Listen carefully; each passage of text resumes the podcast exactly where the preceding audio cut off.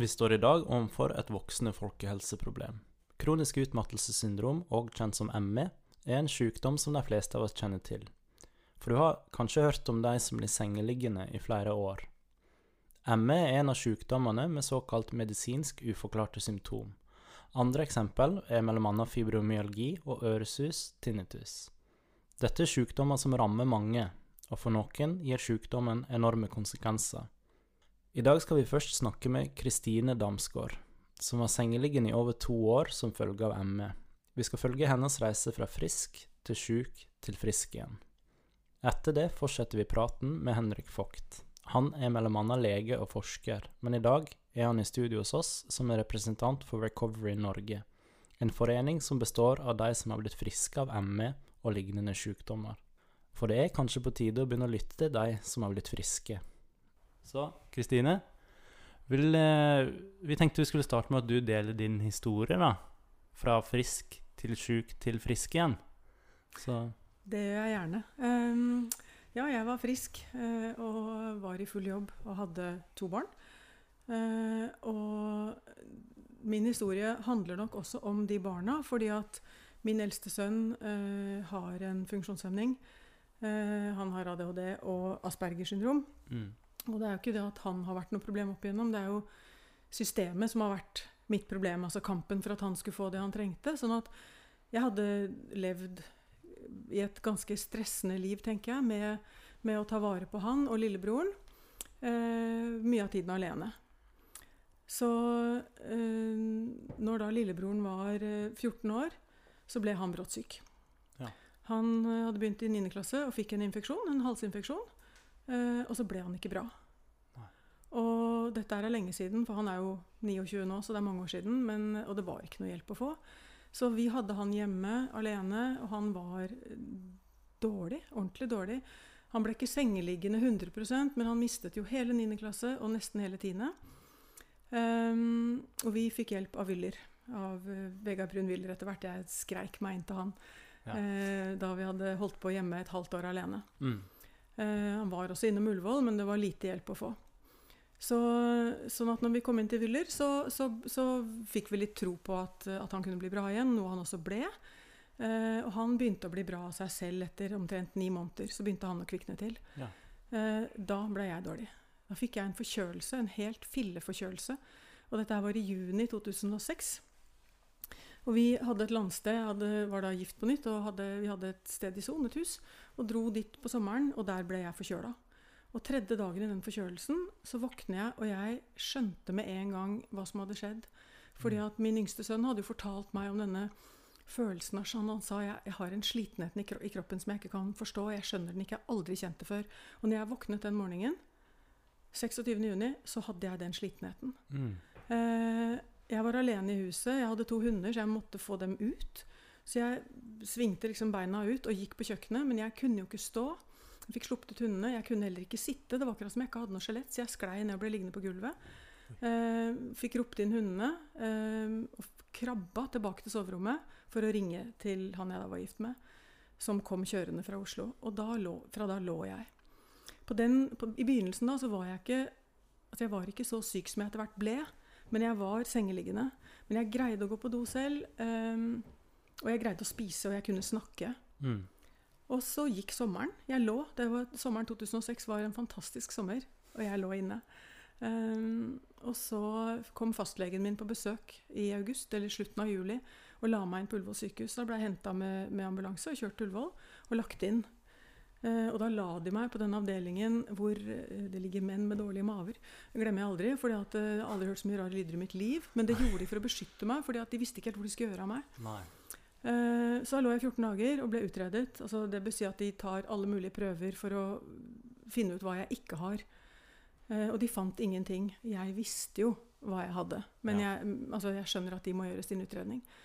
Eh, så før jeg ble sendt hjem da, så hadde vi vett nok på å stille krav om at vi måtte ha hjelp hjemme. Fordi vi hadde jo da eh, disse to gutta mine, hvor han yngste skulle begynne på skolen igjen, prøve å gå på skole igjen, og hvor, hvor den eldste trengte ganske mye hjelp. Mm. Um, så vi fikk var vel en av de første som hadde brukerstyrt personlig assistent. ansatte vaskehjelpa vår i første omgang. Og så ble det utvidet etter hvert. Så etter hvert så hadde vi fem stykker som jobbet hjemme, for jeg ble jo liggende, og jeg ble bare sykere. Eh, Jeg brukte jo det jeg hadde av krefter. Jeg er spesialpedagog, sånn at jeg brukte jo det jeg hadde av krefter på å hjelpe min yngste sønn i forhold til skole. Og det betydde jo å holde han igjen. Eh, holde han igjen, passe på han, eh, prøve å få skolen til å skjønne hva de måtte gjøre. Um, han begynte jo på skolen ja, én dag i uka, to dager i uka, to timer om dagen med drosje. De gjorde det veldig forsiktig. Um, men han ble bare friskere og friskere, og jeg tror noe av grunnen til at han ble frisk, var jo bl.a. at han visste at du trenger ikke å tenke karakterer, du kan søkes inn på særskilt, dette går fint. Her er det et system som jeg kan, fordi det er jobben min. Stressnivået ble synket, på en Ja, måte? ja, så han, Mm. han, greide, han ble bare friskere og friskere. Mm. Og er i dag 100% frisk. Uh, har vært i full jobb, tok utdannelse. Altså null problem. Mm. Um, men jeg ble sykere og sykere. Fordi jeg brukte jo Og, og mitt stressnivå var jo skyhøyt Mm. på bakgrunn av å være så syk som jeg var. eh, og ikke egentlig skjønne hvorfor jeg var så syk. Eh, være veldig sint på meg selv, for jeg tenkte at, at jeg har rett og slett driti meg ut. Jeg har jo brukt opp kreftene mine. Jeg har slåss så hardt for ungene mine at jeg har eh, isteden da gått ned selv. Mm. Så utover den høsten da 2006 så ble jeg bare dårligere og dårligere. Og når vi kom til jul, så Altså, jeg kunne ikke lese. Altså, bokstavene Det var helt merkelig. Jeg prøvde å lese, men bokstavene gikk i bu... Altså, det var akkurat som det var sånn um, De sto i sånne bølger bortover arkene. Jeg så, og jeg, det var ikke noe galt med synet mitt. Ehm, jeg tålte ikke lyd etter hvert. Jeg tålte ikke lys. Når vi kom til jul, så kunne jeg ikke snakke. Uh, jeg kunne ikke hviske. Um, så vi utviklet et slags ja, fingerspråk uh, hvor vi lagde tegn for eh, Og jeg hadde bilde av gutta mine på veggen, da, sånn at jeg kunne peke hvis det var noe jeg lurte på om en av barna. Um, og disse assistentene som jobbet hos oss, ble utvidet. Så vi hadde sykepleierstudent, Um, vaskehjelpen fortsatte. Ja, etter hvert var det fem stykker som jobbet. Um, jeg lå der. Jeg husker jeg gruet meg sånn til nyttårsaften, for da visste jeg jo at det ville komme raketter. Så min mann gikk da og kjøpte sånne øreklokker som jeg lå med på nyttårsaften. Um, det var eh, Det er veldig rart å tenke tilbake på at jeg har vært så syk. Ja. Eh, og det var egentlig veldig lite hjelp å få. Det var lite kunnskap. Eh, diagnosen kom vel ikke da før i januar. For at da hadde jo Ullevål fra august til januar. Da skal det gå seks måneder. Mm. Så da fikk jeg i hvert fall diagnosen. Jeg mistet jobben min. Jeg jobbet som PP-rådgiver i Skedsmo kommune. eh, Og ble jo da sagt opp og, eh, på en måte, fordi at etter at jeg hadde vært borte da det året som, som de hadde som grense. Og det gjorde meg egentlig ingenting da, for jeg tenkte jeg kommer aldri ut i jobb igjen. Nei. Altså Hvis jeg greier å komme meg opp i en stol så jeg kan se ut av vinduet, så skal jeg være veldig glad. Eh, men den perioden der sånn, så, had, så kunne jeg ikke snakke, og det varte i elleve måneder. Og etter hvert så var det jo dostol ved siden av sengen, og etter hvert så var det bekken. Eh, jeg, er ferdig, jeg har gjort min jobb som pleiepasient, altså det, det vil jeg mene noe om. at jeg. Det er ikke noe gøy. Eh, og det å bli matet eh, Forferdelig opplevelse. Um, og jeg, jeg, jeg kunne jo ikke På det verste så kunne jeg ikke Jeg kunne ikke løfte Hvis jeg lå på ryggen, så kunne jeg ikke løfte armene. Hvis jeg lå på siden, så kunne jeg klø meg i liksom Hvis jeg hadde hendene opp til nesa, så kunne jeg klø meg. Så jeg var veldig syk. Um, og så ble jeg gradvis bitte lite grann bedre. Mm. Uh, men det svingte jo sånn at jeg, jeg, det var helt umulig for meg å beregne hva jeg kunne gjøre eller ikke kunne gjøre. Så hvis jeg prøvde å gjøre noe, så, så smalt det jo, men det smalt ikke før kanskje en uke etterpå. Så begynte jeg å bli dårligere. Så jeg greide aldri Jeg lå i to år og to måneder, og jeg greide aldri å finne noen balanse i hva kan jeg gjøre for ikke å bli syk, eller for, for ikke å bli verre. Ja, fordi eh, virkningene kom på en måte i ettertid, da. De, de, de kom så lenge etterpå. Ja. Og de var så hinsides i forhold til hva jeg tenkte at jeg hadde gjort. Ja. Så jeg greide aldri å finne noe ålreit mønster i um, Ja, noe balanse på det, da. Men uh, da du ble syk, da Det skjedde jo veldig brått, på en måte. Mm. Du gikk fra å være forkjøla Mm. og stressa Mm. til å måtte krype da til toalettet Mm. den morgenen. Mm. Hva var det du forestilte hadde skjedd? Du var ganske klar på at det var, at det var ME egentlig fra starten. Jeg tenkte ME med en gang fordi min yngste sønn hadde beskrevet den slitenheten han opplevde. Og jeg hadde jo da levd, altså jeg hadde hatt han hjemme da i ni måneder med ME. Og han fikk jo den diagnosen eh, av Vegard Brunwiller. Um, og han Jeg så jo hvor sliten han var. Altså, vi, det var vanskelig å skjønne det, for jeg husker jeg spurte han Men hvis vi gjør sånn, hvis du slipper å gå, hvis vi gjør dette Og han sa mamma, jeg orker ikke. Mamma, jeg orker ikke. Sånn at jeg, når jeg våkna den morgenen og kjente altså Det var en merkelig følelse. Jeg var ikke i tvil. Um, og, og jeg Altså, faren til barna mine bor i USA, sånn at jeg var uh, alene med dem, og så hadde jeg en ny mann. Og det er klart at uh, det var ingenting i verden jeg ville mer enn å være sammen med barna mine, kunne hjelpe dem. fordi at begge barna mine trengte hjelp på det tidspunktet. Han eldste skulle da fra videregående over i jobb. Eh, som er helt sånn kritisk eh, hvis du er funksjonshemmet, ung funksjonshemmet. Mm. Eh, og jeg fikk ikke hjulpet han. Jeg fikk ikke vært med på det. Eh, og det gikk også ganske dårlig, eh, rett og slett. Sånn at det var ingenting jeg ville mer enn å, enn å komme meg altså, jeg, jeg, hadde gjort hva som helst, eh, og vi prøvde jo alt mulig. Jeg er en ganske sånn, på den tiden, ganske sukkeravhengig person. Spiste mye godteri. Jeg, det første året jeg spiste ikke sukker overhodet. Jeg fikk all maten spesiallaget fra scratch. Jeg kutta til og med ut Pepsi Maxen, som er min altså, ja, har vært min følgesvenn så lenge jeg kan huske. Ja.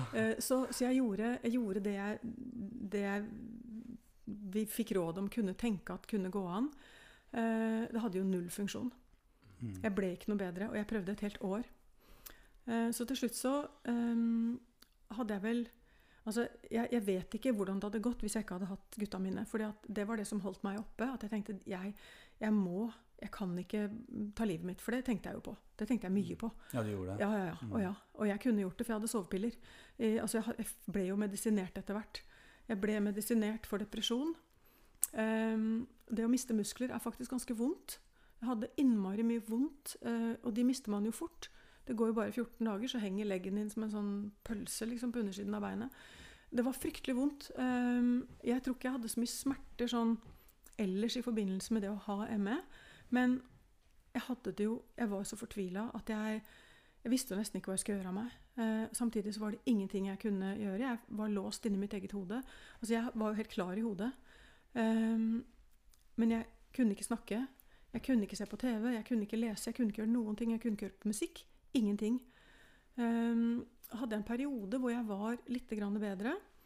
Men um, så skjer det jo ting i en familie, uh, og vi var jo flere der. sånn at uh, det var nok, altså det var klart det var ekstremt vanskelig for min daværende mann å, å stå i det han sto i. Det, det har jeg veldig respekt for. Um, men jeg var redd. Jeg var jo hele tiden veldig redd. Mm. Jeg var redd for ungene mine, jeg var redd for at det skulle skje noe. Faren min var alvorlig syk på dette tidspunktet. Han vel, hadde uhelbredelig kreft. Eh, sånn at han døde jo den sommeren tre uker før jeg kom meg på beina. Eh, jeg fikk jo ikke, Han kom til meg så lenge han kunne. Kom på besøk så lenge han kunne. Problemet var at jeg ikke orket å ha noen inne. Så han kunne sitte hos meg. Jeg sparte, altså jeg sparte meg jo til han, da. Sånn at han kunne sitte kanskje i fem minutter og holde meg i hånden. Og så bare så vi hverandre inn i øynene og kjenner jeg blir veldig berørt. For det, var, det var nesten det verste. Ja. Det var at han var så syk, og jeg kunne ikke være der. Jeg har en søster, og hun sto alene med alt. Ja. Eh, så hun sto, sto, i det, og hun tok også vare på ungene mine så godt hun kunne. I tillegg til sine, sine to. Um, den siste, siste, våren jeg var syk, altså våren 2008, så var jeg, da, da hadde jeg det veldig, veldig dårlig. Eh, da lå jeg hele døgnet, eh, og da skadet jeg også meg selv. Jeg var så fortvilet at jeg, jeg har en del arr på armene. Fordi at jeg, eh, og jeg brukte rett og slett en gaffel. Jeg var så fortvila at jeg, jeg rispa meg med en gaffel. Jeg gjorde det to ganger, og da ble jeg truet med selvfølgelig en fortvilet ektemann som sa at hvis du gjør dette mer, så, så, så greier jeg ikke mer, da, for du, da havner du på gamlehjem. Det stoppet meg jo fra å gjøre det, men, men det var ganske dramatisk. Mm. Uh, og det er klart at gamlehjemmet eh, nede på Kantarellen, vi bodde på Mortensrud, dit ville jeg ikke. Det var min skrekk. Og den andre skrekken jeg hadde, det var at jeg ikke skulle greie å spise. Eh, fordi jeg tenkte at hvis jeg ikke greier å tygge, eller hvis jeg ikke greier å spise, så må jeg til Ullevål for å få lagt inn sonde. Og jeg visste at den turen, den tåler jeg ikke. Jeg tåler ikke at noen flytter på meg. Jeg tåler ikke jeg, å ligge i en ambulanse. Uh, jeg tåler egentlig ikke at noen gjør noen ting. Jeg vasket ikke håret på nesten to år. Det går helt fint, for å si det sånn. Eh, jeg husker, jeg husker at jeg tenkte um, uh, Inuittene de vasker ikke håret om vinteren. Det går fint.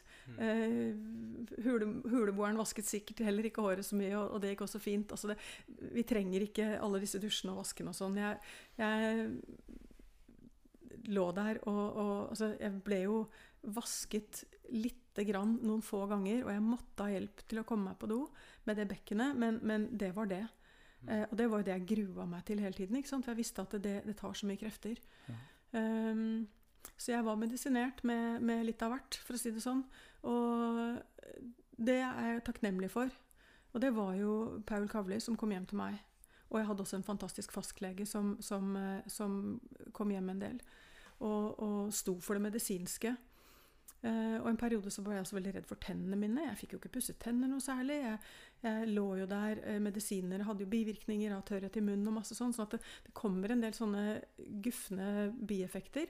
Så jeg hadde også en, en, en tannlege som, som, kom hjem og så på tennene mine og bare sa at vet du hva, dette går fint. Mm. Uh, dette går helt fint. Um, det var nok søsteren min og faren min uh, og denne ektemannen som først fikk høre om lightning-prosess. Um, og jeg bare nikka. Jeg tenkte jeg har ingenting å tape. Jeg lå med en sånn eh, armbånd eh, som var en alarm, Mm. som jeg kunne trykke på. Det var ikke mye som skulle til.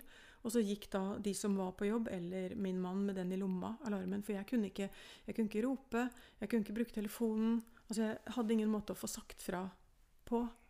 Eh, og de gangene han f.eks. sovna og ikke hørte alarmen, så lå jeg jo der. Um, jeg kunne egentlig ikke være alene hjemme, men jeg var det Begge julaftene var jeg litt alene hjemme, for jeg ville så innmari at de andre skulle ha litt julaften. Eh, så da var jeg alene kanskje en time eller to, eh, hvor jeg tenkte at ok, brenner det nå, så er det bare meg, og det er ikke så farlig på en måte, for man blir jo helt sånn Ja.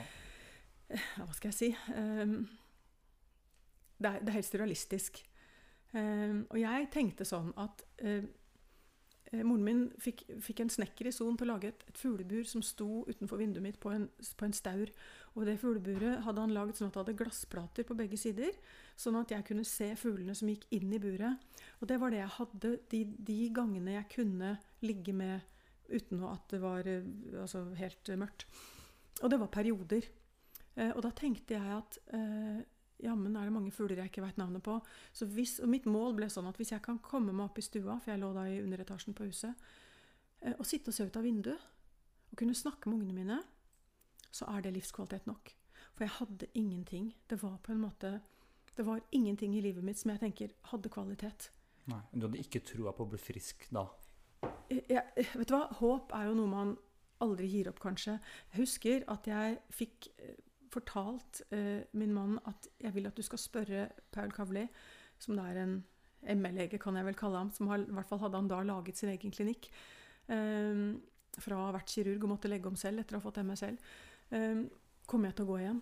Du må si at jeg kommer til å gå igjen, for jeg trenger å høre det. Og så sa han det ikke. Han ble så rar, det var så vanskelig for han. Og jeg oppsøkte han etterpå, ja, etter at jeg hadde blitt frisk. Og så sa jeg til han, vet du hva, det der må du aldri gjøre med noen. Hvis noen spør deg, så må du faktisk ljuge. Da får du ljuge.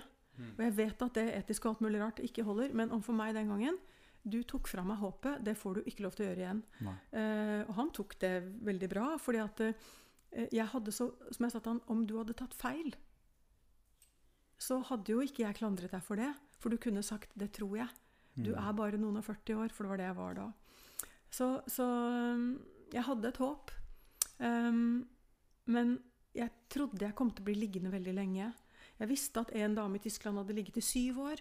En annen hadde ligget i fem år. Ikke sant? Alle disse historiene er jo rundt forbi. Eh, så jeg tenkte jeg får bare være tålmodig. Men det, det, det, jeg trodde jo egentlig ikke noe på det.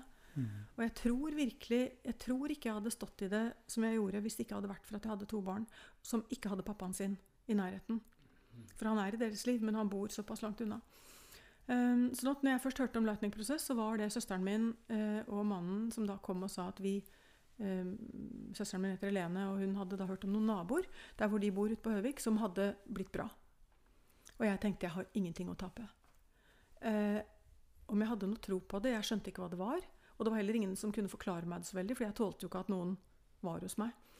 Det, på den tiden så var det ingen i Norge som kunne lightning-prosess. Så de som ville ha dette, måtte dra til England, eller at coachen kom til Norge.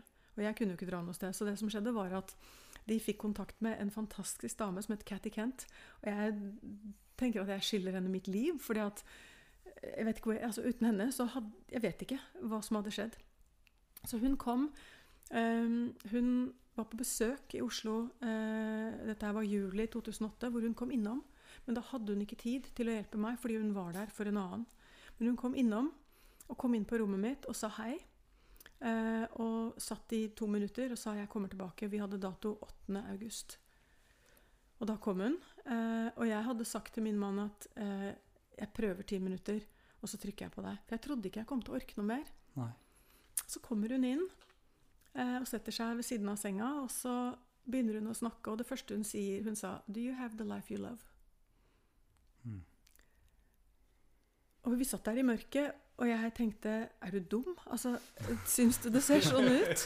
eh, og så sa hun eh, Og jeg ristet på hodet, og jeg kunne ikke snakke veldig mye. Så jeg var forberedt på at dette kom til å gå skikkelig dårlig. Eh, men så sa hun 'What do you want?' Og så pekte jeg opp. For det jeg ville mer enn noe, noe annet i hele verden, det var jo å komme opp. Og jeg hadde fått installert en, en sånn uh, heis i trappa. Men, for det hadde vi søkt om når jeg ble syk, men det tok jo et halvt år å få den. Og innen den kom på plass, så var jeg så sjuk at jeg kom meg ikke ut i den trappa. Så det hadde jeg aldri brukt. Um, så hun snakket med meg en del. Uh, snakket mye om hvordan hjernen fungerer.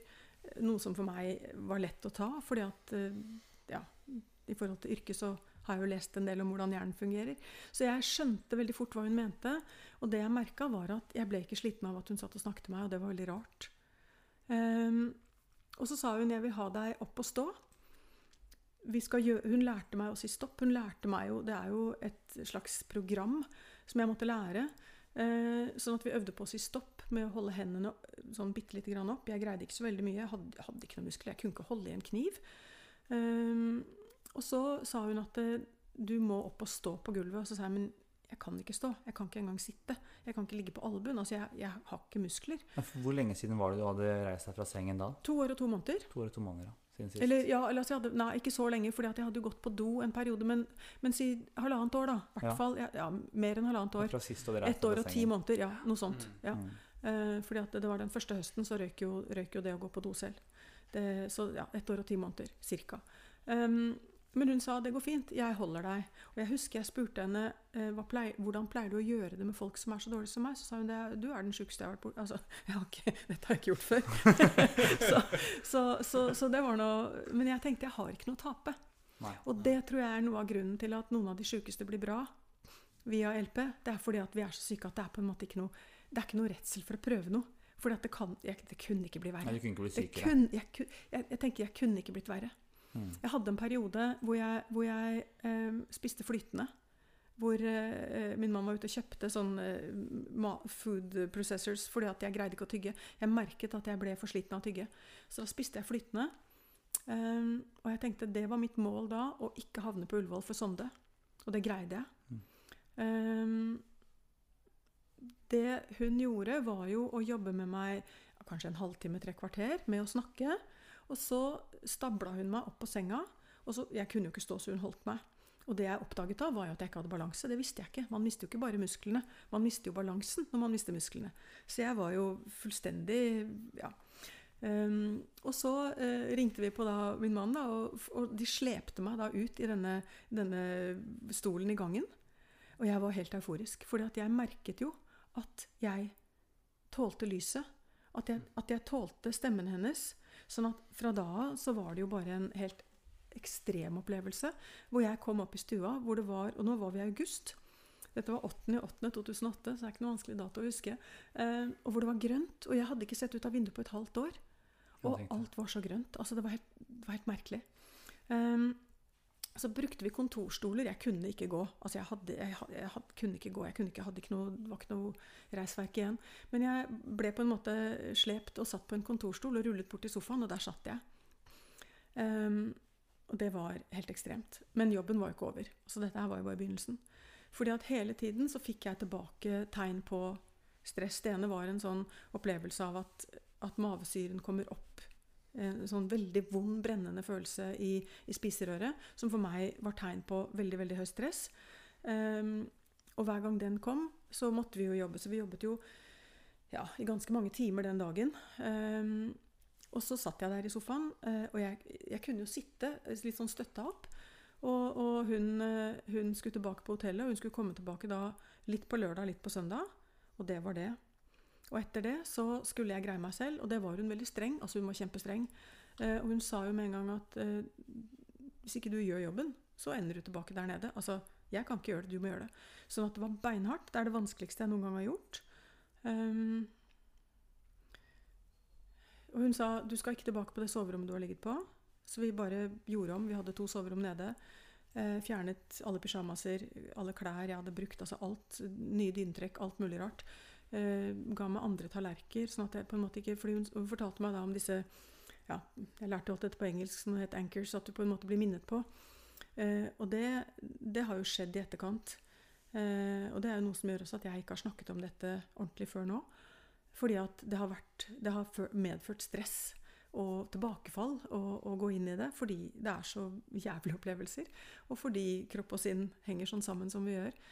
Men, men hun kom tilbake dagen etter, eh, og jeg lå hele natten og gjorde, gjorde prosessen.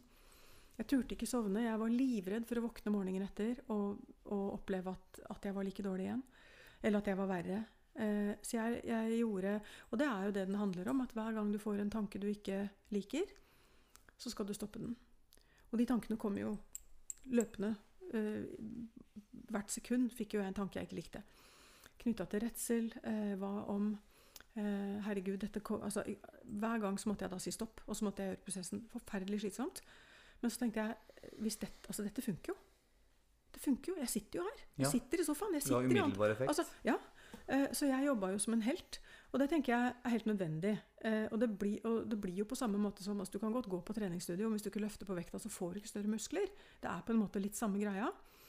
Um, folk vil sikkert uh, være uenige og alt mulig, men, men jeg tenker at jeg gjorde en jobb etter at hun var hos meg, eh, som kosta meg alt jeg hadde av krefter og, og trøkk. Eh, jeg er ganske sta, eh, og det kan man finne både positive og negative eh, utfall av. Men, men, akkurat da var jeg veldig glad for staheten min. Eh, og for det å være besluttsomt, og besluttsom og sette meg et mål, og at jeg hadde barna mine. Altså, for hvis ikke så tror jeg ikke det Det kosta. Det kosta masse. Um, og det har det gjort opp igjennom. Uh, dette er jo eh, lenge siden nå, men det var jo ikke sånn at jeg var bra på en dag. Eh, hun kom tilbake hun kom tilbake dagen etter og var hos meg en halvannen times tid. Uh, og så kom hun tilbake søndagen og var der halvtime. Og så dro hun. Mm. Og så hadde jeg en avtale om at jeg kunne ringe henne tirsdagen om halvannen uke. Og da var jeg on my own, og det tenkte jeg det må jeg være. Og hun sa det må du være, fordi det er du som skal gjøre jobben. Jeg kan ikke gjøre den for deg. Altså det var ikke planlagt at hun skulle komme tilbake? Nei, nei, nei. nei, nei, nei. Så jeg jobba, men det var på en måte Da visste jeg jo at dette funker jo. Dette er jo mm. min vei ut. Uh, så jeg var jo euforisk. Helt uh, Ja, det var Det, det er det, er, det er um, Altså, det å få barn er voldsomt, og det å få barnebarn er faktisk enda større, syns jeg, for jeg har rett. Men, men, men, den opplevelsen der sånn, uh, den var Nesten sånn at jeg tenker at hvis jeg ikke hadde opplevd det, så vet jeg ikke om jeg hadde trodd på det. Nei, For jeg har en, en litt sånn bakgrunn fra, fra utdanning hvor man, hvor man, relaterer til forskning, og, og, og, ting skal være bevist og sånn. Eh, men dette, dette var en, en, veldig sterk opplevelse, og at det faktisk funka. Så, så, jeg, og jeg hadde på den tiden så hadde jeg en hund. Eh, som var en, egentlig var en eh, hund som skulle være førerhund, men det ble han ikke, for han hadde Eh, forkalkninger i beina, så han havna hos oss fordi min yngste sønn var syk. var sånn vi fikk Han ja. Han ble jo min terapihund oppi dette. Eh, som gikk ved siden av meg i trappa, for jeg måtte jo øve. Jeg en, hadde en nabo mange å takke oppi dette her, som er fysioterapeut. Eh, og han eh, kom til meg eh, hver dag etter jobben.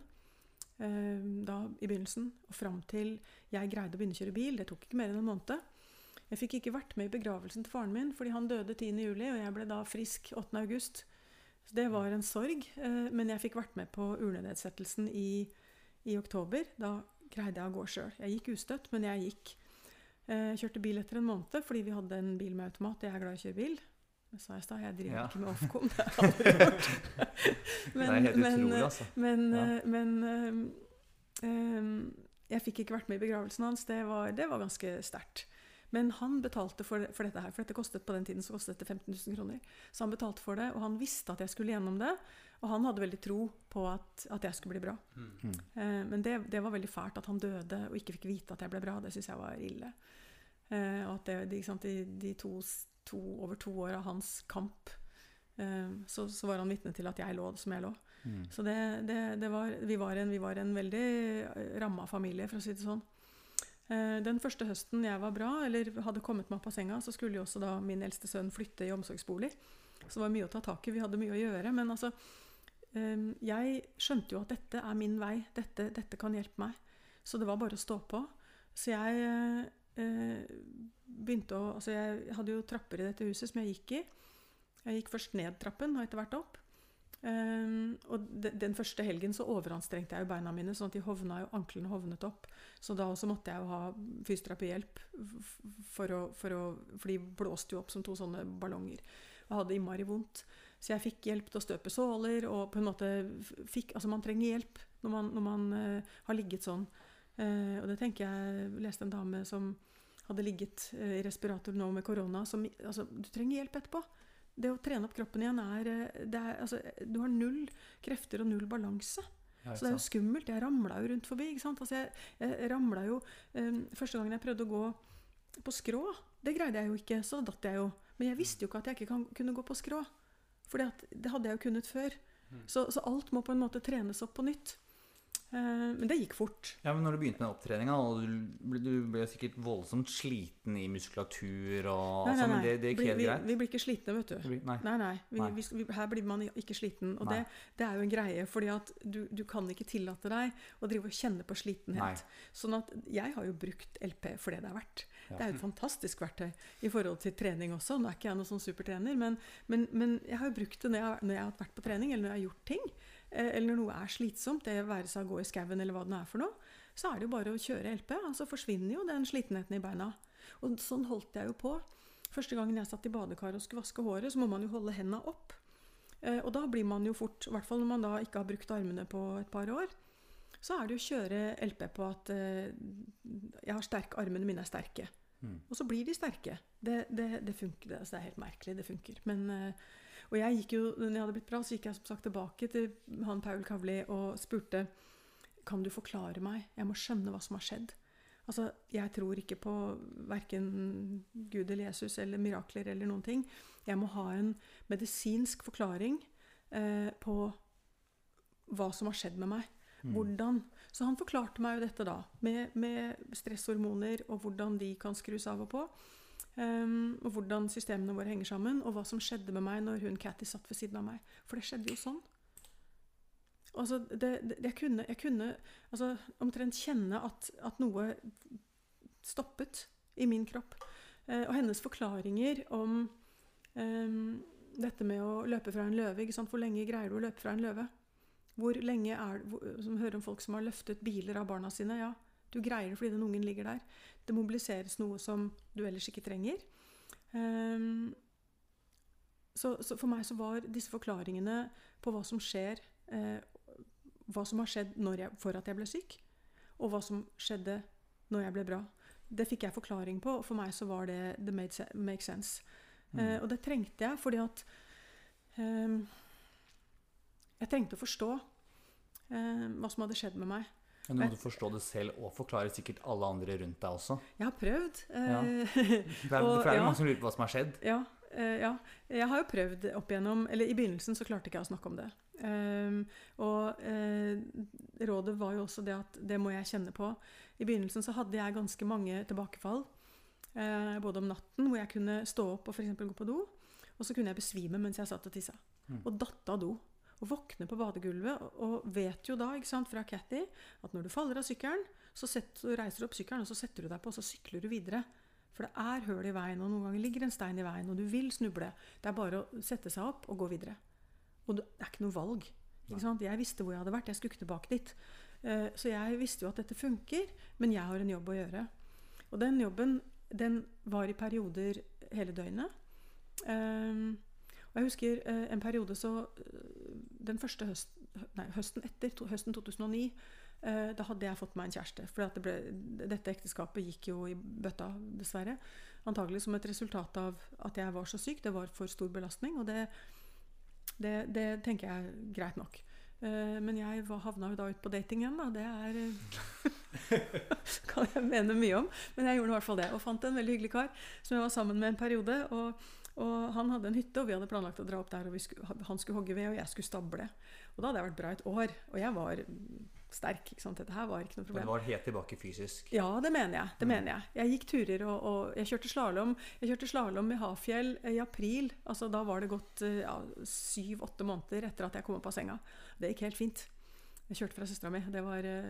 Jeg kjørte ikke fra svogeren min, men jeg kjørte fra søsteren min. Så det var liksom sånn Ja, man må liksom sette seg noen mål. Det gikk kjempefint. Men, men, men de tilbakefallene, de var jo skumle, ikke sant? Fordi at de er faktisk ekle. Og da datt jeg på vei hadde vært på badet og vært på do om natten, og så hadde jeg en ganske lang gang i det huset. Og så ramler jeg idet jeg skal svinge inn på mitt soverom, og klinker jo da panna i, i, i dørkarmen. Og slo meg ganske bra. Eh, og blir jo rasende. Altså Jeg ble sint når dette skjedde, så ble jeg mer sint enn redd etter hvert. Mm. Eh, og da er det å gjøre LP. ikke sant? Krabba meg tilbake i senga, gjør LP, gjør LP, gjør LP. Jeg er sterk. Um, og alltid litt redd om morgenen, sånn jeg våkner, men gjøre LP allikevel for å ja, hente opp.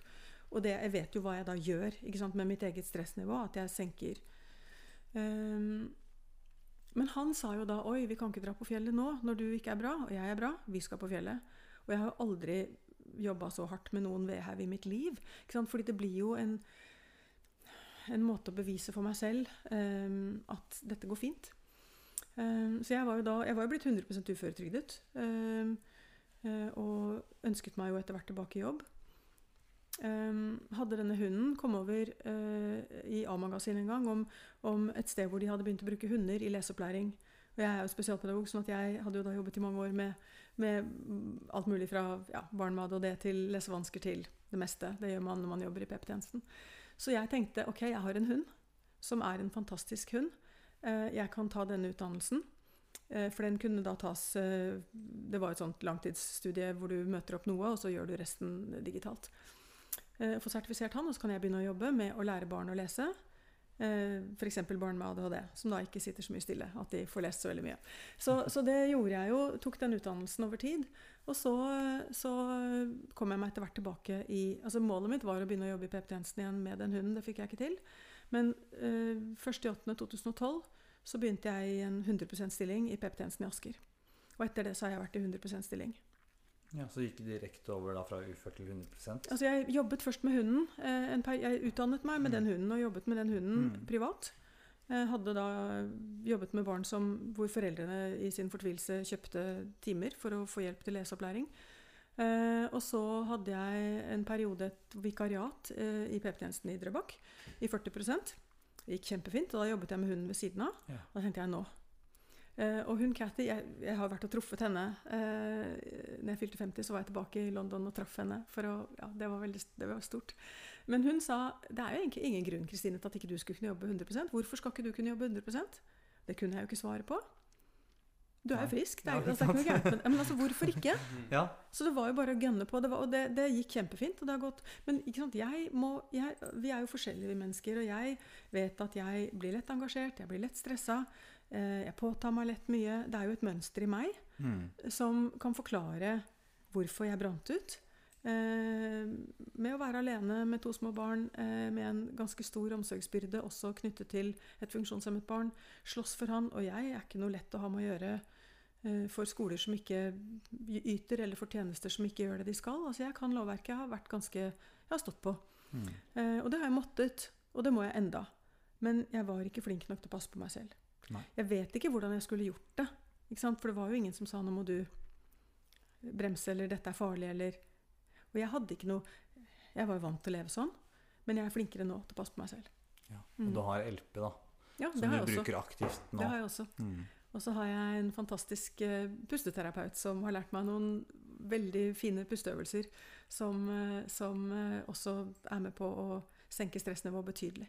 Ja. Mm. Så, så jeg, jeg, tenker at jeg har gått fra å ikke ha noe liv til å ha et fantastisk liv.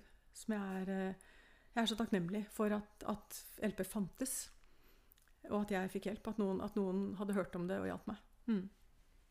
Ja, det, er, det er jo, For mange så vil nok det her høres ut som en helt utrolig historie, men det er jo mange som har opplevd eh, tilsvarende at man går fra å være frisk Mm. til utrolig syk. Nå var jo du veldig syk, da. Mm. Du var sengeliggende Mm. i to år Mm. og to måneder. Mm. Eh, og så blir du faktisk helt frisk igjen. Du er tilbake på jobb. Du Mm. tar vare på barna. Du er veldig aktiv. Hvis du ser på min Facebook-profil, så står det 'Living the life I love'. Det er på en måte min Ja. For det var jo det hun spurte meg om. Do you have the life you love? Og det har vært greia hele tiden. Og det er en del av det å gjøre LP. Det er jo hele tiden å tenke hva er det jeg vil? Hva, er det som er, hva er det som er livskvalitet? Hva er det jeg vil? Mm. Og fokusere på det, og så er det det man gjør. Eh, og så stopper man eh, det andre. Og det er klart, en av kritikkene er jo sånn ja, skal man ikke gå inn i det som er fælt? Da skal man ikke jobbe med det som har vært vondt? Jo, noen ganger så må man det. Jeg har ikke hatt noe behov for å, for å ha noe eh, traume Dette er jo traume. Altså Det jeg har vært gjennom, er et kjempetraume. Men jeg har ikke følt på noe behov for å gå inn og og grave i det. Eh, og det, det, for meg har ikke det vært riktig. Det har ikke vært bra. Um, jeg trodde når jeg lå syk, så tenkte jeg at hvis jeg noen gang blir i stand til det, så skal jeg jo jobbe for MS-saken. Men når jeg ble bra, så kjente jeg at det kan jeg ikke. Det tåler jeg ikke. Nei. Eh, det er ikke bra for meg. Jeg må gjøre noe annet. Eh, og sånn kjenner jeg det enda, at det er ikke der jeg skal bruke kreftene mine fordi jeg engasjerer meg for mye. Um, og jeg greier ikke å skape den avstanden som jeg tenker er nødvendig. Så jeg må bruke meg selv på en annen måte. Mm. Ja, men Det er sikkert fornuftig, og det kan jo Henrik snakke om etterpå. Det er jo sikkert flere også som er i den situasjonen at når de blir friske fra ME, så er de ferdig med det. De vil ikke, de vil ikke grave noe mer i det eller, eller snakke noe om det, rett og slett. Nei, for meg har det vært riktig å gjøre det sånn.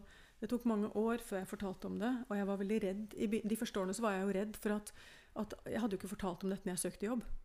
Eh, Det turte jeg ikke. Eh, Jeg ville ha den jobben, og jeg tenkte at eh, hvis hun spør, så må jeg svare. Hvis noen hadde hørt om det og spurte, så skulle jeg ikke lyve. Men, men jeg hadde bestemt meg for på intervjuene at eh, det er ikke noe jeg forteller om hvis ingen spør. Nei, Føler du og da følte at ME er eh, veldig stigmatisert, eller er stigmatisert? Eh, Både ja og nei. Eh, fordi at fra min måte å ha hatt ME på, så, så har jeg blitt frisk. Og det er, jo, det er jo hele mitt mål med å gjøre det jeg gjør, og sitte og fortelle dette, det er jo å si at det, det går faktisk an å bli frisk. Eh, jeg er diagnostisert på Ullevål sykehus. Eh, og nå hører jeg folk stille spørsmål om ja, fikk du diagnosen sånn eller ditten datten. ME-foreningen sa jo til meg etterpå at, jeg, at eh, da hadde jeg nok ikke vært ordentlig syk. Ja, og da kjenner jeg at, at det er noe uetisk her, og noe veldig stygt ute og går. Fordi at det å stille spørsmålstegn ved eh, andres eh, helse, andres sykdom, eh, og på en måte si at eh, det, da har ikke du hatt det, den syns jeg er stygg. Ja, det er veldig Og, stygt. og jeg forstår heller ikke hva man ønsker å oppnå. Eh, Jeg har jobbet i foreninger, eh, holdt jeg på å si. Altså jeg har en en sønn med ADHD-autisme. Jeg har sittet i begge de foreningene. Og jeg tenker noe av målet med en interesseorganisasjon, det er jo faktisk å, å bidra positivt. Så jeg, for, jeg forstår ikke med min beste vilje. Um, og det er jo sånn med, med det meste av medisin, det er ikke alle som tar cellegift som blir bra av kreft heller. Nei, Uh, Så jeg forstår ikke helt hvordan man tenker at én ting uh, kan redde alle, og hvis den ikke redder alle, så funker den ikke. Det er ulogisk for meg. Um, og så tror jeg det handler veldig mye om Eller jeg vet at det handler veldig mye om den innsatsen man legger ned. Fordi at hvis man ikke, hvis man ikke gjør jobben her sånn, så skjer det ingenting. Eh, og jeg har jobba veldig hardt, og jeg har jobba hardt over mange år. Og fremdeles så er det innimellom så må jeg ta det opp. Fordi at jeg kan også eh, kjenne på innimellom eh, en form for tilbakefall i, for, i forhold til at jeg blir sliten på ettermiddagen på en måte jeg ikke liker. Eh, og da, Det ble jeg f.eks. i går, som jeg knytter til at jeg skulle hit i dag. Og istedenfor å da legge meg på sofaen, så tar jeg sparkesykkelen og så sparker jeg rundt hele Fornebu uh, mens jeg Ja. gjør LP. Og blir ganske sånn forbanna, fordi at den slitenheten vil ikke jeg ha. Jeg vil ikke kjenne på den. Det er ingen grunn til at jeg skal være så sliten. Uh, selv om han er gift med, eller sammen og sier ja, men du har jobba ganske hardt i dag, og du begynte, satte deg ned og begynte å jobbe halv sju, så tenkte jeg ja, det gjorde jeg faktisk. Så det er kanskje den balansen da på når har man lov til å være sliten. For jeg, jeg blir jo en sånn på at det er jeg ikke. Ja, fordi nå er du sånn at du, du vil ikke bruke ordet sliten. Eller du vil, du vil, eller du vil ikke føle på det. Eh, jo da, jeg har, jeg har blitt Altså, det har roa seg litt. I begynnelsen så Ja. var jeg nok veldig bevisst. Og en av de tingene man gjør når man har ME, eh, det er jo at man driver og sjekker. Mm. Man kjenner etter. Veldig var på hvor er, er det noe rufs noe sted. Og det er klart at da forsterkes jo det. Ja. Eh, så, så det er jo også noe man må, må, må stoppe. Ikke sant? Man må, må, vite at det, det er ikke bra for meg å gjøre det der. Den skal jeg stoppe. Det er veldig Så- interessant. Det er veldig Jeg syns det er veldig interessant å høre, og så syns jeg det eh, Nå snakker vi om ME, men det her høres ut som det kan være så overførbart til andre ting. Tenker fibromyalgi og for eksempel eh, Jeg er jo med medfødt hjertefeil, så jeg kjenner jo veldig mange med medfødt hjertefeil. Mm. Og jeg tenker at det at du liksom Det at du går og kjenner etter, det traff veldig, og det vet jeg veldig mange går og gjør.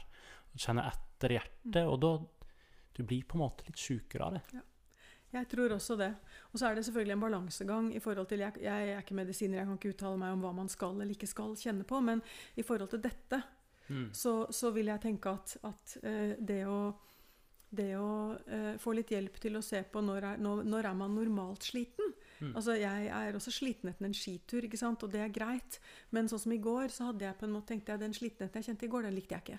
For det var en sånn form for mer mental eh, og sånn stressopplevd slitenhet, som ikke er den derre gode fysiske slitenheten hvis du har ja, tatt deg ut på ski Mm. eller noe sånt. da.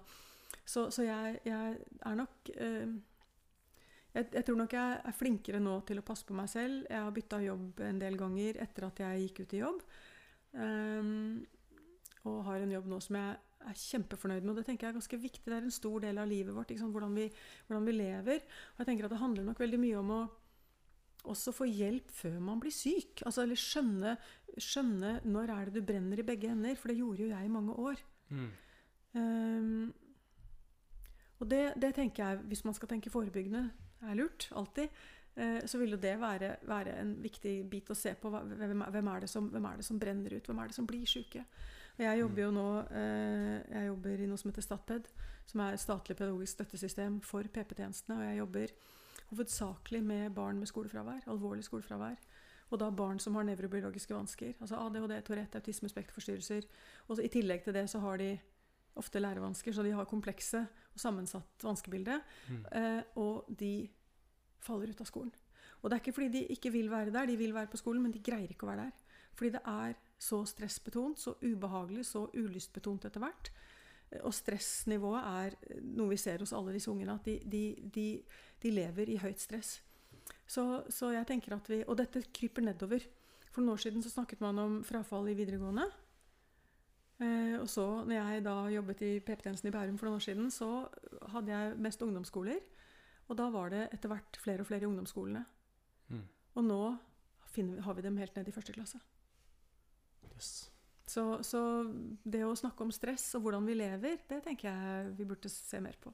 I forhold til at jeg tenker at ME sånn sett blir en livsstilssykdom. For meg Mm. tenker jeg den var et resultat av ekstrembelastning over mange år, som for meg bare ble vanlig. Ja, for det er sånn som du fortalte i historien, så har jo du hatt et eh, uvanlig høyt stress med den familiesituasjonen du Mm. var i, da. Og så starter du med en forkjølelse, og så spiller det skikkelig. Mm. Det, det høres eh, helt eh, spesielt ut. Men for meg da så var det Det var jo altså postviralt utmattelsessyndrom, som da diagnosen het da. Mm. Det stemte jo veldig. Mm. Um, og så tenker jeg også at det er ikke uvanlig å finne altså Ting er arvelig ofte. Mye er mye arvelig. Så jeg, det at jeg har en sønn og eh, også et annet familiemedlem som har hatt lettgrad, Mm. men som da fikk hjelp av LP tidlig. Ja.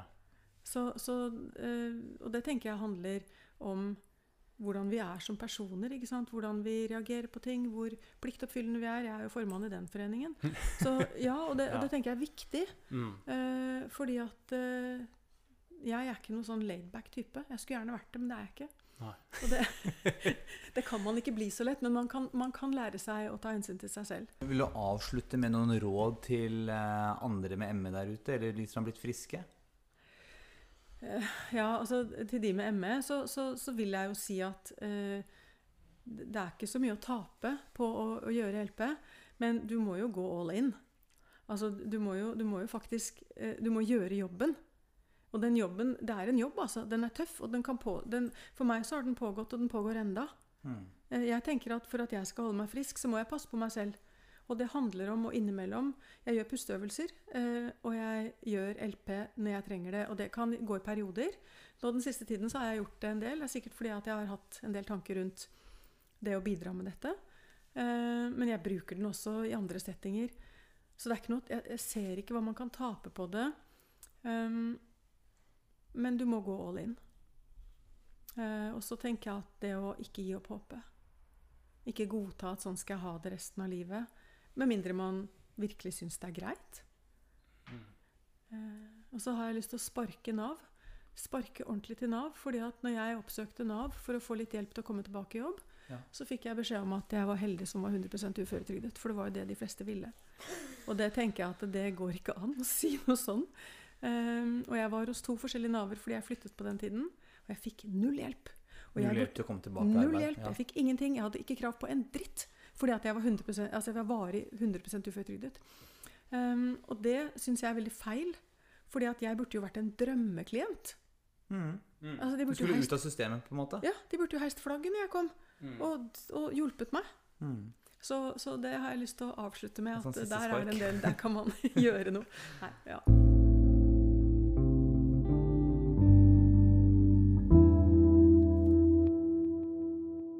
Da tar vi en liten omrokering i studio. Nå skal Henrik og Kristine dele litt eh, erfaringer.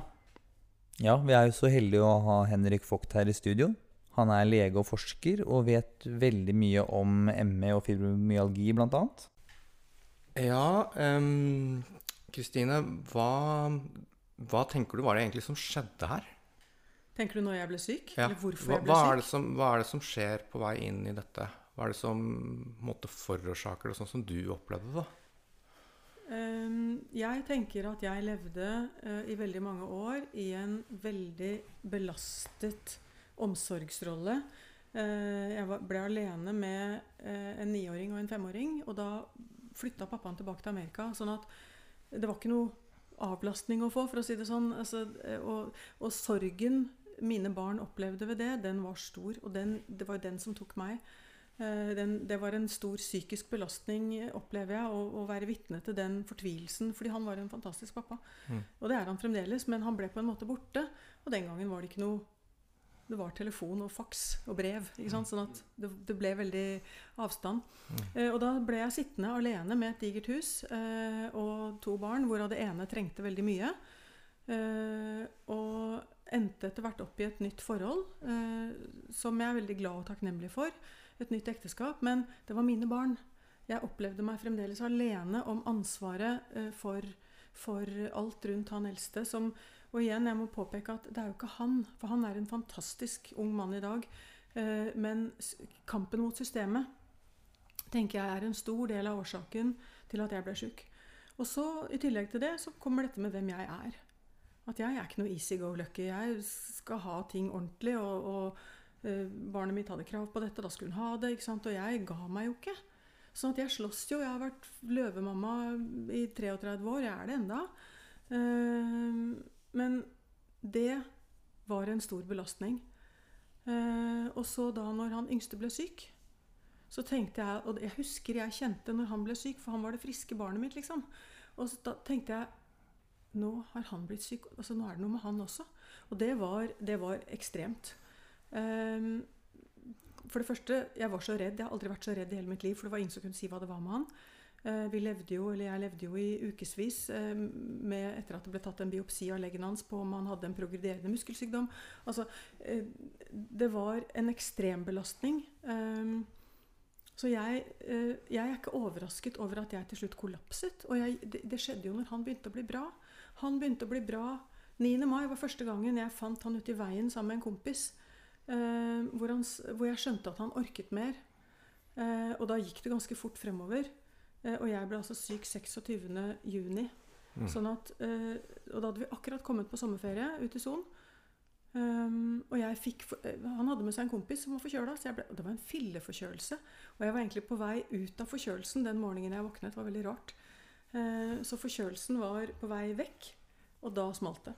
Ja. Så, Så det er en, ja. det er en eh, Sånn tenker jeg at det mm, ofte er både klinisk erfaringsmessig og i forskning og fra de historiene som er i Recovery Norge. Oftest, men ikke alltid kanskje, men, men, eh, men at det er flere faktorer sammen. Og så kommer det kanskje en, en infeksjon. Mm. Eh, det er ikke uvanlig. Mm.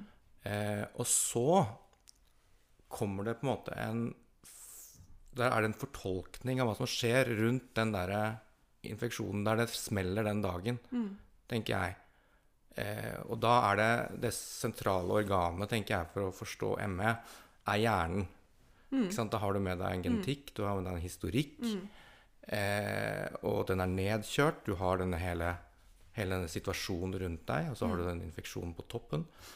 Eh, men så er det også en fortolkning av de symptomene den dagen. Eh, kan du si noe om det? Altså, hva, hva, du blir redd? Altså jeg kjente, altså For meg så var jeg fysisk syk. Eh, jeg, og, det, og det, jeg skjønner veldig godt de som sier at dette er en fysisk sykdom, fordi det var det. Altså det var så, jeg hadde, hvis jeg hadde kunnet gjøre noe, så hadde jeg stått opp av den senga. Hvis jeg hadde kunnet snakke, så hadde jeg snakket med ungene mine.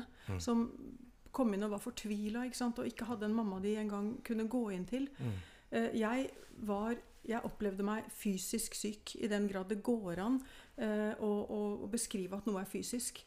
Ehm, og det var en utmattelse som, som jeg vet ikke, Det går ikke an å beskrive den. Altså, jeg, kan ikke, jeg har ingenting å sammenligne den med, for den er så annerledes enn alt annet jeg har, har eh, opplevd.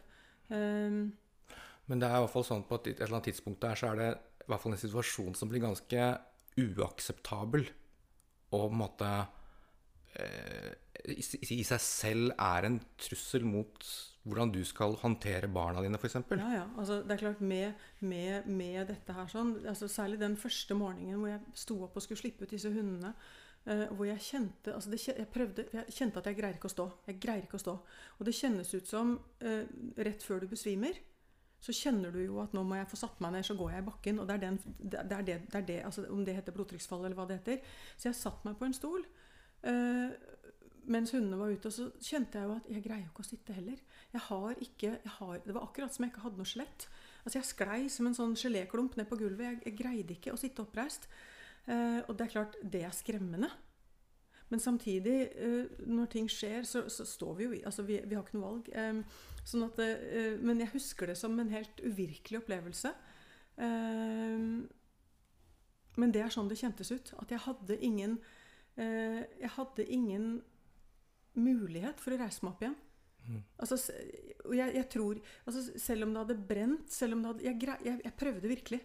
Uh, men det var, det var ikke noe der. Og det er den opplevelsen jeg hadde mens jeg var syk. At um, jeg, det, det går ikke an. Jeg, får det ikke til. Uh, og de, de, de, den peri, eller de periodene, særlig den første sommeren, så var jeg jo ikke så syk som jeg ble etter hvert. Da kunne jeg gå fra sengen inn på badet. Eh, jeg kunne sitte og vaske meg. Vi stabla jo stoler rundt forbi, sånn at jeg kunne sitte. Men jeg ble jo veldig fort mye sykere. Eh, og det betyr eh, Og det var ikke noe, det var ikke noe stress. Det var ikke noe som gjorde at jeg akkurat da skulle være så altså Da var det på en måte noe som hadde startet. Sånn var min opplevelse. At det var ikke noe jeg kunne ta tilbake eh, eller reversere på noen måte. Det var der. Ehm, så, som, min forståelse av det har jo handlet om å tenke, tenke rundt Altså ja, selvfølgelig hjernen. Eh, det, er der, det er der ting skjer. Men, men hva da som skjer av, av hormonelle utskillelser og immunsystemet, altså denne biten, det har vært min, min forklaring på det ut fra hva, fra hva han Paul Kavli fortalte meg. da. Ja, men, det, men der er det jo en forskjell på hva du har tenkt i etterkant, etter at du ble frisk. Og det er en forskjell på det og hva du tenkte der og da, kanskje. Der og da Altså, jeg vil fremdeles tenke at Altså, ehm, det er vanskelig å si eh, hva som er fysisk, og hva som ikke er fysisk, på en måte. Men min opplevelse var jo at jeg var fysisk syk. Ja, jeg, jeg tenker, da får jeg lyst til å si at eh, sånn som jeg tenker på det, Mm. så er det et veldig, veldig feil ordbruk Liksom filosofisk Ja. ordbruksfeil i Ja. medisinen, der vi bruk, bruker begrepene fysisk og psykisk? Ja. symptom, eller Mm. fysisk og psykisk slitenhet, f.eks. Mm. Jeg tenker det er helt ubrukelig, og noe vi bare burde slutte med her og nå. Um, fordi det fins bare én type symptomer, og det er symptomer. Det fins ikke egentlig psykiske og fysiske symptomer. Det fins Symptomer er vår opplevelse av kroppen. Mm. Og så er det noen uh, symptomer, sånn som tristhet eller frykt eller, eller sorg, som vi av en eller annen grunn kaller psykiske symptomer. Og så har vi noen symptomer som vi av en eller annen grunn kaller fysiske. Og fysiske symptomer er f.eks. utmattelse eller smerte. Mm. I hvert fall hvis smerten sitter i et bein. Men sannheten er at alle symptomer, alle, alle opplevelser vi har av oss selv, er, er noe hjernen lager. Mm. Eh, og de er på en måte per definisjon egentlig Hvis man skal si det på den måten, så er det alle sammen psykiske. Altså de er, de, er- de er psykiske opplevelser. De er opplevelser av kroppen. Eh, og de er egen, det er en, tenker jeg en av de viktige tingene her, er å forstå at de endres med de samme mekanismene. Altså sånn som du for eksempel snakket om at man, når man har ME, så sjekker man kroppen sin. Kanskje mer eller mindre ubevisst. Jeg vet ikke hvor, hvor, hvor mye man tenker over det. Men, men, eh, men da vet man jo fra forskningen at da vokser symptomer. Ja, ja, Og, absolutt. da voks, og det, det, gjelder, det prinsippet gjelder på en måte både i angstbehandling, da er det liksom angstsymptomer eller depresjonssymptomer, og det Mm. gjelder for smerte. Så de samme mekanismene kan gjelde. Mm. Em, sånn som jeg tenker på ME, så tenker jeg ofte på stikkordet ond sirkel. Mm. Har du noe forhold til det? Absolutt. Fordi eh, det er jo det jeg tenker nå. Ikke sant? Hvordan jeg jobber nå. Så er jo det å stoppe den sirkelen. Og det er jo det jeg har verktøy for. Eh, fordi at hvis jeg sier at jeg i går, da, hadde, når jeg følte meg, følte meg sliten, hadde lagt meg på sofaen og tenkt at nå, nå må jeg jo hvile, for nå er jeg så sliten, eh, så ville jeg jo kanskje kjent mer på at jeg har hvilt, allikevel er jeg sliten. Um, og så etter hvert, i hvert fall når man har vært gjennom en sånn runde som jeg har, så er det klart at da er det veldig Veien til redsel er ganske kort. eh, som igjen vil gjøre at jeg blir enda mer ja, både redd stress, Da stiger jo stressnivået når man blir redd. Mm. Så, så jeg tenker jo at eh, det å stoppe det, å stoppe det som da, som da eh, LP er et verktøy for å gjøre, har for meg vært veldig riktig. Mm. Eh, og Men hvis har- det er en ond- sirkel eh, Unnskyld at jeg avbryter. Ja. hvis det er en ond sirkel her Bare sånn at vi skal gjøre det veldig tydelig for de som hører på. Mm. Hva, hva består den egentlig i? Hvis man skal si det litt enkelt. Eh, Da må det jo være det at man, at man forsterker eh, ubevisst. For det er jo ikke noe man gjør med vilje, og det er jo der, derfor det blir vanskelig. fordi at det blir en sånn at man kan tenke at noen får skylden for sin egen sykdom, som Mm. jo ikke er tanken i det hele tatt. Eh, men, men at man forsterker ubevisst eh, det negative, sånn at det blir mer av det, og sterkere. Samtidig så må jeg jo si at eh, det å håndtere noe sånt noe på egen hånd Altså, Du trenger hjelp i en Mm. sånn setting. Dette er Mm. ikke noe, det er ikke sånn at folk som opplever seg slitne eller deprimerte eller, eller syke på ulike måter, bare kan slutte å tenke på det, så går det over. Det er ikke, for det vil, jeg, det vil jeg ikke være med på å si. For at så, sånn, er, sånn opplever ikke jeg at det er. Eh, men jeg tenker at eh, man må få et verktøy. Ja. Altså Man må ha en metode for å, for å stoppe eller snu et tankemønster. Ja. Eller eh, noe, man, noe man har blitt vant til å gjøre. Ja, for verken det å bli syk eller det å bli frisk skjer egentlig i et vakuum. Nei. Nei.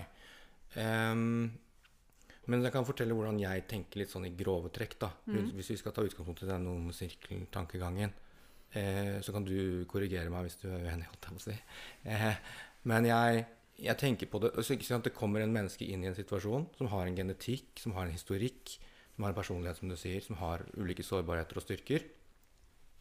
Og så er det mennesket i, en, eh, i ofte en belastende situasjon, bevisst eller ubevisst. Det er, det er ulike belastninger.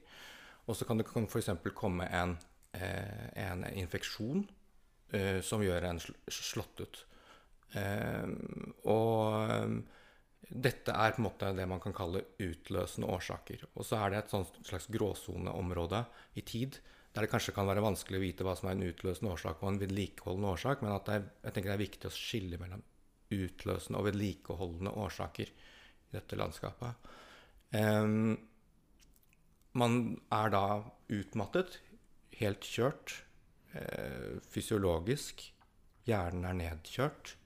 Fysiologiske systemer er også da nedkjørt fordi hjernen styrer alle, alle systemer vi har i kroppen.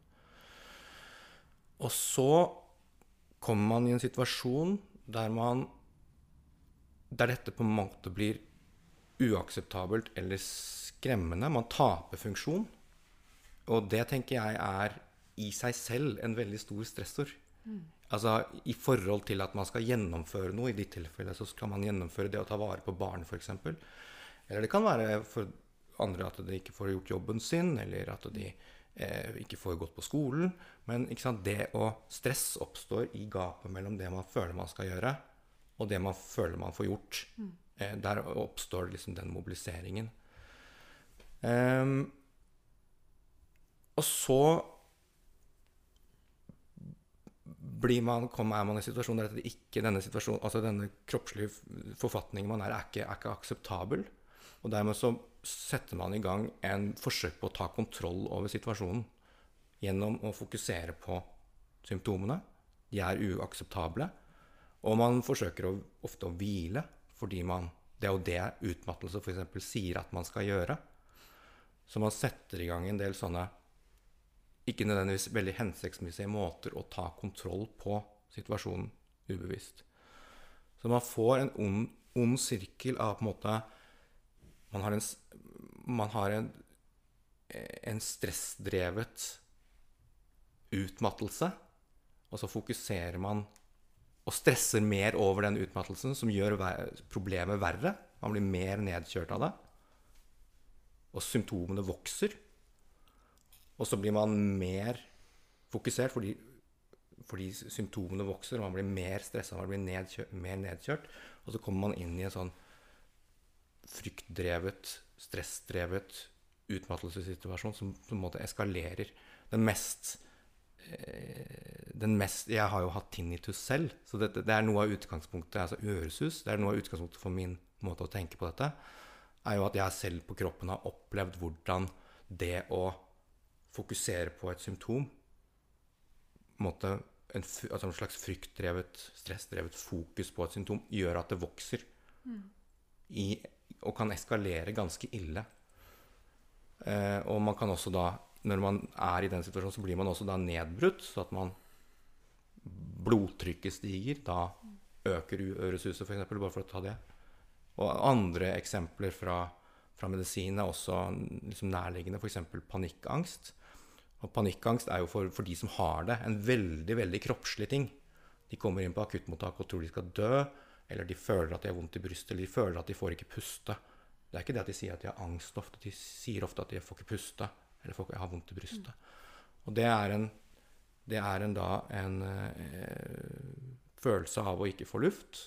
Så lurer man på hva er det? Det er u, uakseptabelt, det kan oppleves farlig, truende. Så fokuserer man mer på det, da går pulsen opp. Man får mer åndenød. Man får mer opplevelse av åndenød, så går man inn i en sånn, sånn dynamikk. Men gir det mening i dette landskapet? Delvis. Um, fordi at uh, jeg er med uh, i, i første delen av sirkelen, og jeg tenker det er helt logisk. Uh, I hvert fall sånn som jeg kjenner dette her. Men men når, det først, når det først er utløst, altså når først den, den sykdommen I hvert fall sånn som for meg, da, hvor det skjedde så fort, altså så brått over natten um, så, vet, så, så skjønner ikke jeg um, hvorfor jeg um, altså jeg ble først litt bedre, så ble jeg dårligere, så ble jeg litt bedre, så ble jeg dårligere. Ikke sant? Altså, det, jeg vet ikke hva jeg skulle gjort annerledes. Um, og det er jo i en del eh, situasjoner så kan man ikke fjerne ikke sant? Jeg, jeg kunne ikke fjerne en del av det i mitt liv som skapte stress. Det var jo ansvar for to barn, ganske, litt sånn alene egentlig. Ehm, sånn at det er jo en del ting man ikke kan endre på en måte, da. Eller Enig. Det er jo Eh, noen ja. faktorer som ikke la, du får bort med LP heller. For å si det sånn. Men Eh, som, så, så, så spørsmålet kanskje kan stilles på en annen måte. Hva er det som brytes gjennom lightning process, sånn som, sånn Ja, som du brukte. For meg så altså min forkl- eller Den forklaringen jeg fikk på det, var jo, var jo at, at det var en metode for meg å stoppe stress, eh, stresshormonene som raste rundt, eh, i forhold til at, eh, at jeg da eh, levde på høygir. Mm. Eh, og, at, og, og det var sånn det kjentes ut. Eh, fordi at jeg, forklaringen fikk jeg jo etterpå. Opplevelsen hadde jeg jo først Mm. med, med hun som hjalp meg. At det kjentes ut som noe liksom eh, gikk ned. Mm. Eh, og roa seg eh, i mellomgulvet, på en måte. Mm. Hvor i hvert fall det er der hvor jeg kjenner liksom, Når jeg er stressa, så kjenner jeg kjenner det i hvert fall mye i maven. Da, sånn, eh, jeg vet ikke. Jeg, som, jeg, som jeg sa i stad, for meg så har det vært en, en merkelig reise og en litt sånn ubegripelig opplevelse. Det er veldig rart å tenke på at jeg har ligget der, og at jeg har blitt bra. Mm. Eh, at jeg faktisk har opplevd det. Fordi det er egentlig litt uforklarlig for meg. Mm. At, eh, fordi at opplevelsen av å være så hjelpeløs og ikke kunne løfte på en finger eh, til å være tilbake i 100% jobb, den er ganske stor. Mm. Eh, og, og jeg hadde ingen mulighet for å kontrollere det med vilje eller eh, hvile eller Altså, jeg lå jo der i to år. Eh, så det var ikke noe jeg kunne hvile bort. Det var ikke noe jeg kunne tenke bort. Det var ikke noe jeg kunne ta kontroll over på noen måte. Eh, så for meg så er det at det handler om, at det handler om hjernen, ja. Eh, Hjernen gjør jo to Ja. ting, sånn som jeg tenker på det. Den, den tolker kroppen, den lager symptomene, og den styrer alle kroppsorganene. Så hjernen er det overordnede Mm, organet i kroppen.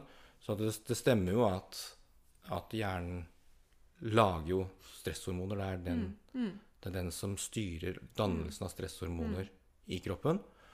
Og gjennom nerver og hormoner så styrer den f.eks. puls, respirasjonsfrekvens, og den styrer også immunforsvaret. mm. Påvirker det er liksom noe man har blitt klar over mer og mer, at hjernen påvirker immunforsvaret Mm. gjennom disse signalveiene. Så, så, så den gjør jo det. Så at den endrer jo nivået av, av stressstoffer og, og liksom hele fysiologien vår sånn sett. Men, men, så har, men så er det dette med bevissthet og opplevelse av kroppen, som er, en måte er en funksjon i seg selv, som er veldig utrolig vanskelig å måle utenfra. Mm. Men, men den hjernen gir jo da en annen Altså når du, når du blir fortalt f.eks. For at det er håp, eller at noe er farlig, noe at det er hå- håpløst Altså det er forskjell på det at noe er livstruende, at du blir forklart det i en fortolkning, og at noen forteller at dette er noe du kan gjøre noe med, som ikke er livstruende, f.eks., så blir et symptom min, mindre fremtredende, da. Mm. Og det er spesielt forsket på i, i smerte, smerteforskningen. Mm. At hvis du tråkker på noe spisst og tror det er en, og tidligere har blitt bitt av en slange, liksom, så får du veldig mye vondere Mm. Enn hvis du liksom bare tråkker på en kvist, samme kvisten og, og tenker at det er en kvist. Mm.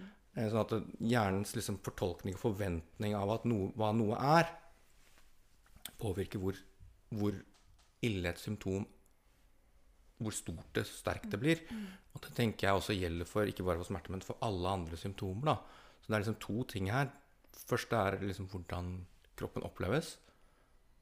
Det påvirkes av forventning og måte, eh, fokus, og, og hvilken forventning og, og hvordan man fortolker det. Om man tror det er noe man kan gjøre noe med, eller om man er noe som man tror kommer til å ødelegge livet ens. Liksom, for eksempel. Og at, og at uh, hjernen styrer utskillelse av stresshormoner, f.eks. Mm. Som også påvirker hjernen. Altså, hjernen blir jo veldig nedkjørt av stresshormoner, Mm. eksempel. Ja, altså jeg, jeg tenker at um, alt det stemmer sånn som jeg har opplevd det. Um, men hvordan man skal Altså hvordan jeg skulle kunnet håndtere det annerledes der jeg lå, det har jeg tenkt på mye. Ikke sant? Er det noe jeg kunne gjort annerledes? Og det ser jeg ikke at det var. Altså, um, Nei, og det tenker jeg jo noe Altså noe Den som ligger i den situasjonen du var, så svekket, Mm. trenger jo noe ganske enkelt. Trenger ikke en lege som forklarer det via bredde.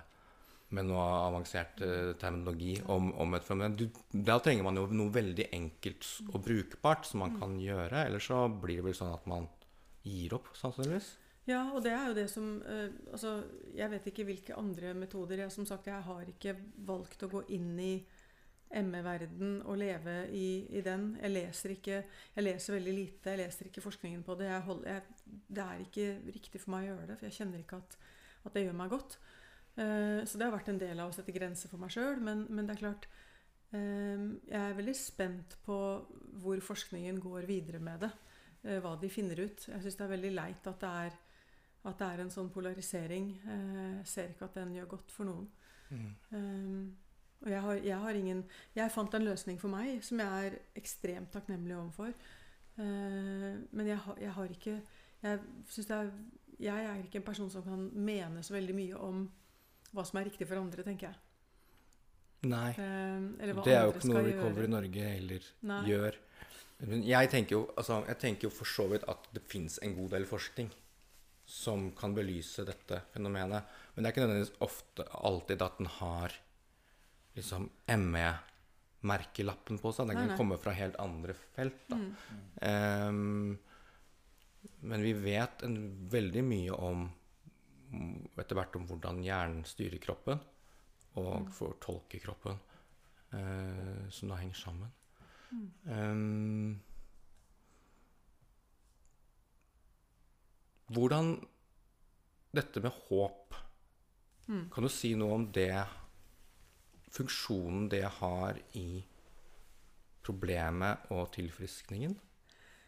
Ja, altså mens jeg lå der, så eh, tenker jeg jo at håpet, eller håpet mitt, var knyttet til eh, det å kunne bli en mamma, en fungerende mamma igjen.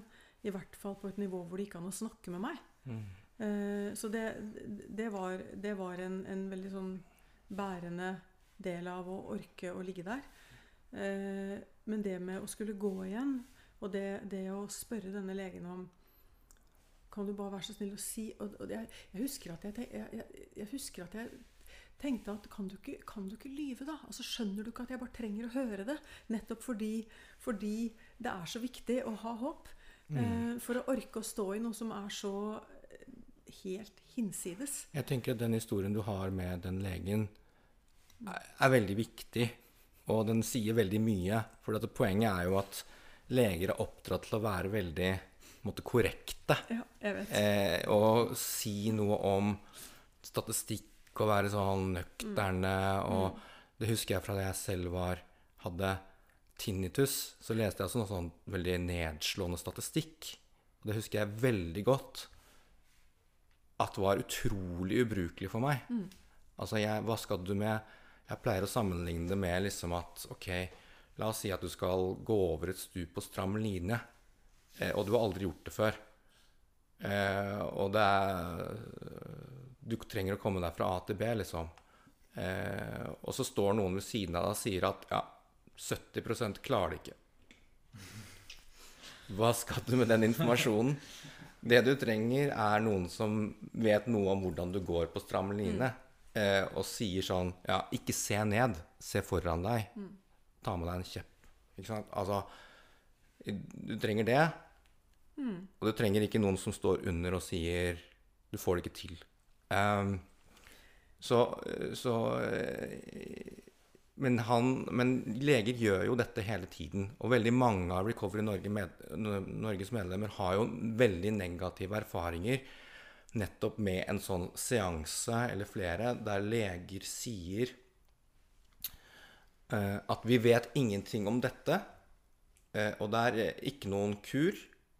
Og du, vi, vet, vi, kan ikke egentlig hjelpe deg, vi har ikke noe behandling. Vi kan kanskje få det i fremtiden, men det finnes ikke noe nå. Uh, og flere forteller jo at de liksom falt sammen, eller at det var en vesentlig forverrende faktor. da. Mm. og derfor så er det jo interessant å høre at du ble at akkurat den der tingen der er, forbundet med litt sånn følelser hos deg. At du, at du blir forbanna av ja, ja, ja. at, at, at, leger sier det. Hvorfor det? En gang jeg var. Jeg var sinna på han fordi at uh, han hadde jo til og med fått beskjed om at kan du være så snill å bare si det til henne. Altså, hun trenger å høre det.